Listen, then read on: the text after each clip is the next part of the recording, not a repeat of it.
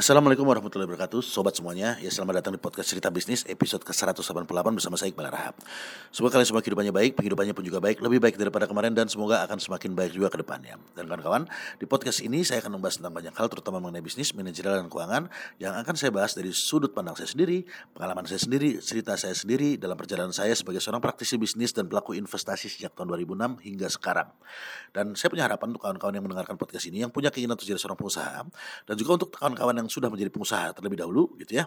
Dan juga untuk kawan-kawan yang memiliki profesi yang lainnya. Nah, barangkali aja teman-teman bisa mendapatkan gagasan-gagasan baru, insight-insight yang baru ya, sehingga teman-teman bisa menerapkan apa yang teman-teman anggap bermanfaat ke dalam kehidupan teman-teman semuanya gitu ya.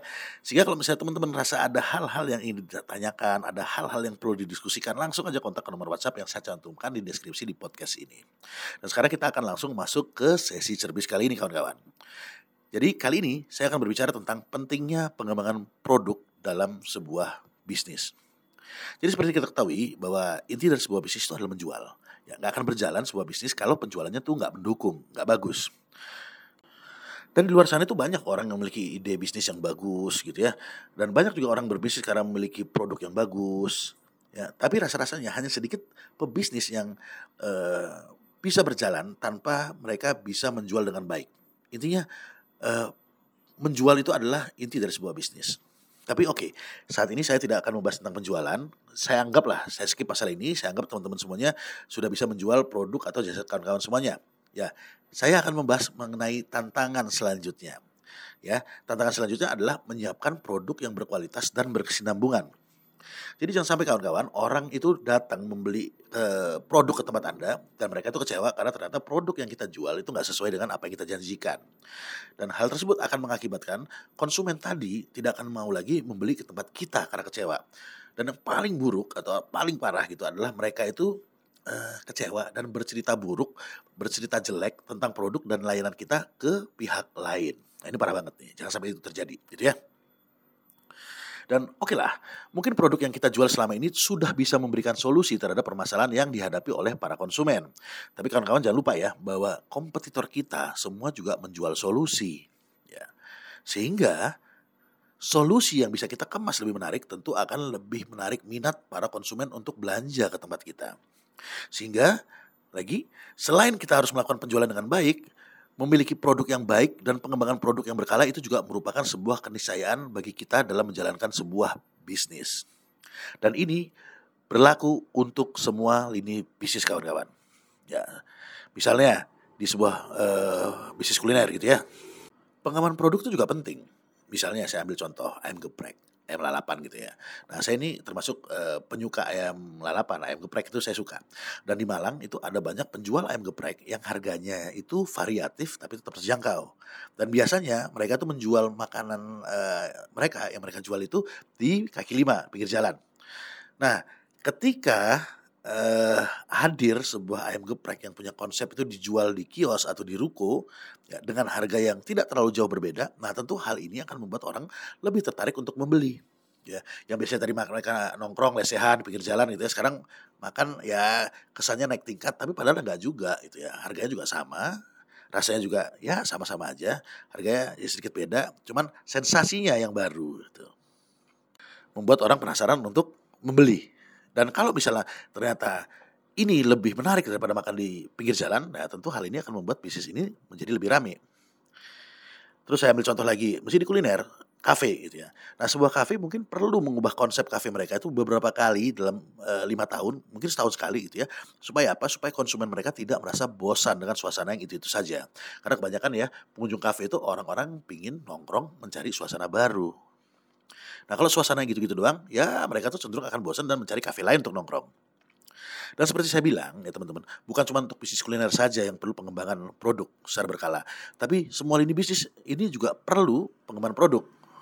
Kualitas-kualitas produk yang kita miliki itu perlu ditingkatkan. Saya ambil contoh misalnya bisnis yang lain ya, selain kuliner, manufaktur, misalnya bisnis skincare. Nah, bisnis skincare, kalau misalnya produk yang dijual ya itu-itu saja, dengan komposisi yang itu-itu saja, dengan kemasan yang gitu-gitu aja, ya tentu konsumen akan gatel untuk mencoba produk lain. Sehingga bisnis skincare itu juga perlu mengembangkan produk mereka menjadi produk yang lebih baik lagi. Jadi produk misalnya yang lebih sehat, yang lebih aman gitu ya, yang lebih membersihkan wajah, Bahkan bukan mustahil mereka juga harus mengubah kemasan mereka agar orang tahu bahwa oh produk ini udah berkembang nih, udah naik kelas nih. Mungkin ada perubahan apa nih di produk ini nih. Pasti produk perubahannya yang harus ditangkap sama klien itu adalah atau konsumennya adalah perubahan yang lebih positif. Nah, bisnis yang bergerak di bidang jasa juga sama aja gitu ya. Mereka juga harus melakukan pengembangan baik itu di skill, di pengetahuan mereka dan mungkin juga di penyampaian mereka anggaplah misalnya seorang konsultan gitu ya ada seorang konsultan pengetahuannya itu ya gitu-gitu aja stagnan ya penyampaian juga ya itu-itu aja gitu-gitu aja. Sedangkan permasalahan dan tantangan yang dihadapi oleh klien mereka itu eh, bertambah secara signifikan. Eh, kan berkala ya namanya juga zaman semakin eh, bertambahnya zaman bertumbuhnya zaman bisnis juga berkembang pasti permasalahan yang dihadapi juga semakin bertumbuh gitu ya. Nah kalau konsultan pengetahuannya gitu-gitu aja, penyampaiannya itu-itu aja, permasalahannya juga permasalahan dihadapi sama konsumennya naik, ya maka tentu konsultan tadi itu akan kesulitan untuk membantu klien mereka untuk jadi bisa lebih bertumbuh lagi. Ya intinya pengembangan produk itu penting deh. Pengembangan produk dan jasa ini sangat penting bagi uh, keberlangsungan bisnis kita. Demikian juga ya dengan keseimbangan uh, supply dan demand gitu ya. Nah, kita harus bisa menyediakan ketersediaan bahan baku kita, bisnis kita terhadap kebutuhan konsumen. Karena apa? Karena ketersediaan bahan baku itu juga merupakan bagian dari pengembangan produk. Karena apa yang mau kita kembangkan kalau produknya tuh nggak siap karena bahan bakunya nggak ada. Nah, mungkin saya bisa kasih contoh sedikit ya. Saya punya cerita. Jadi saya punya mitra seorang supplier daging sapi gitu ya, khusus tenderloin. Nah dia itu mengalami kesulitan stok bahan baku ketika ya masa-masa liburan Lebaran dan Natal dan Tahun Baru itu mereka uh, kesulitan stok lah untuk uh, menyiapkan tenderloin. Dan untuk itu dia tuh harus sudah mulai menyetok lebih banyak daging jauh-jauh hari sebelum liburan. Dan pengambilan keputusan untuk nyetok barang tersebut tentu dilakukan berdasarkan uh, statistik dari tahun ke tahun sebelumnya. Sehingga apa? Sehingga dia bisa mensiasati lonjakan harga bahan baku dan ketersediaan barang. Jadi barangnya tuh selalu tersedia. Jadi uh, tidak pernah kurang lah pada saat-saat yang biasanya orang-orang lain itu uh, kesulitan untuk barang baku. Jadi intinya kawan-kawan, uh, kiat seorang pebisnis itu selain tugas kita membuat orang membeli produk kita, kita juga perlu menjaga supaya orang yang sudah membeli di tempat kita itu tetap membeli di tempat kita. Bahkan kalau kita uh, memungkinkan gitu ya bagi kita, kita perlu memikirkan gimana caranya supaya mereka itu bisa membeli lebih banyak lagi dan membeli lebih sering. Kalau di film-film koboi zaman dulu gitu ya, saya itu mengibaratkan pemasaran itu ibarat kita tuh mendatangkan sapi ke peternakan uh, kita dan kita memasukkan sapi ke dalam kandang kita. Nah itu e, pemasaran. Sedangkan pengembangan produk itu ibarat kita tuh merawat e, sapi yang sudah dalam kandang. Supaya apa? Supaya konsumen kita atau sapi-sapi tadi itu betah berada di dalam kandang. Nah itu saya mengibaratkan aja ya antara konsumen dan sapi tadi bukan berarti konsumen itu sapi bukan ya cuman ini pengibaratan aja lah pemasaran itu mendatangkan sapi ke dalam kandang pengembangan produk itu ibarat supaya kita membuat sapi-sapi tadi itu betah eh, ada di dalam kandang dan nggak berontak untuk keluar. Ya intinya gitulah. Ya dua-duanya itu perlu dilakukan. Ya mungkin gitu ya teman-teman semuanya tentang servis singkat episode kali ini.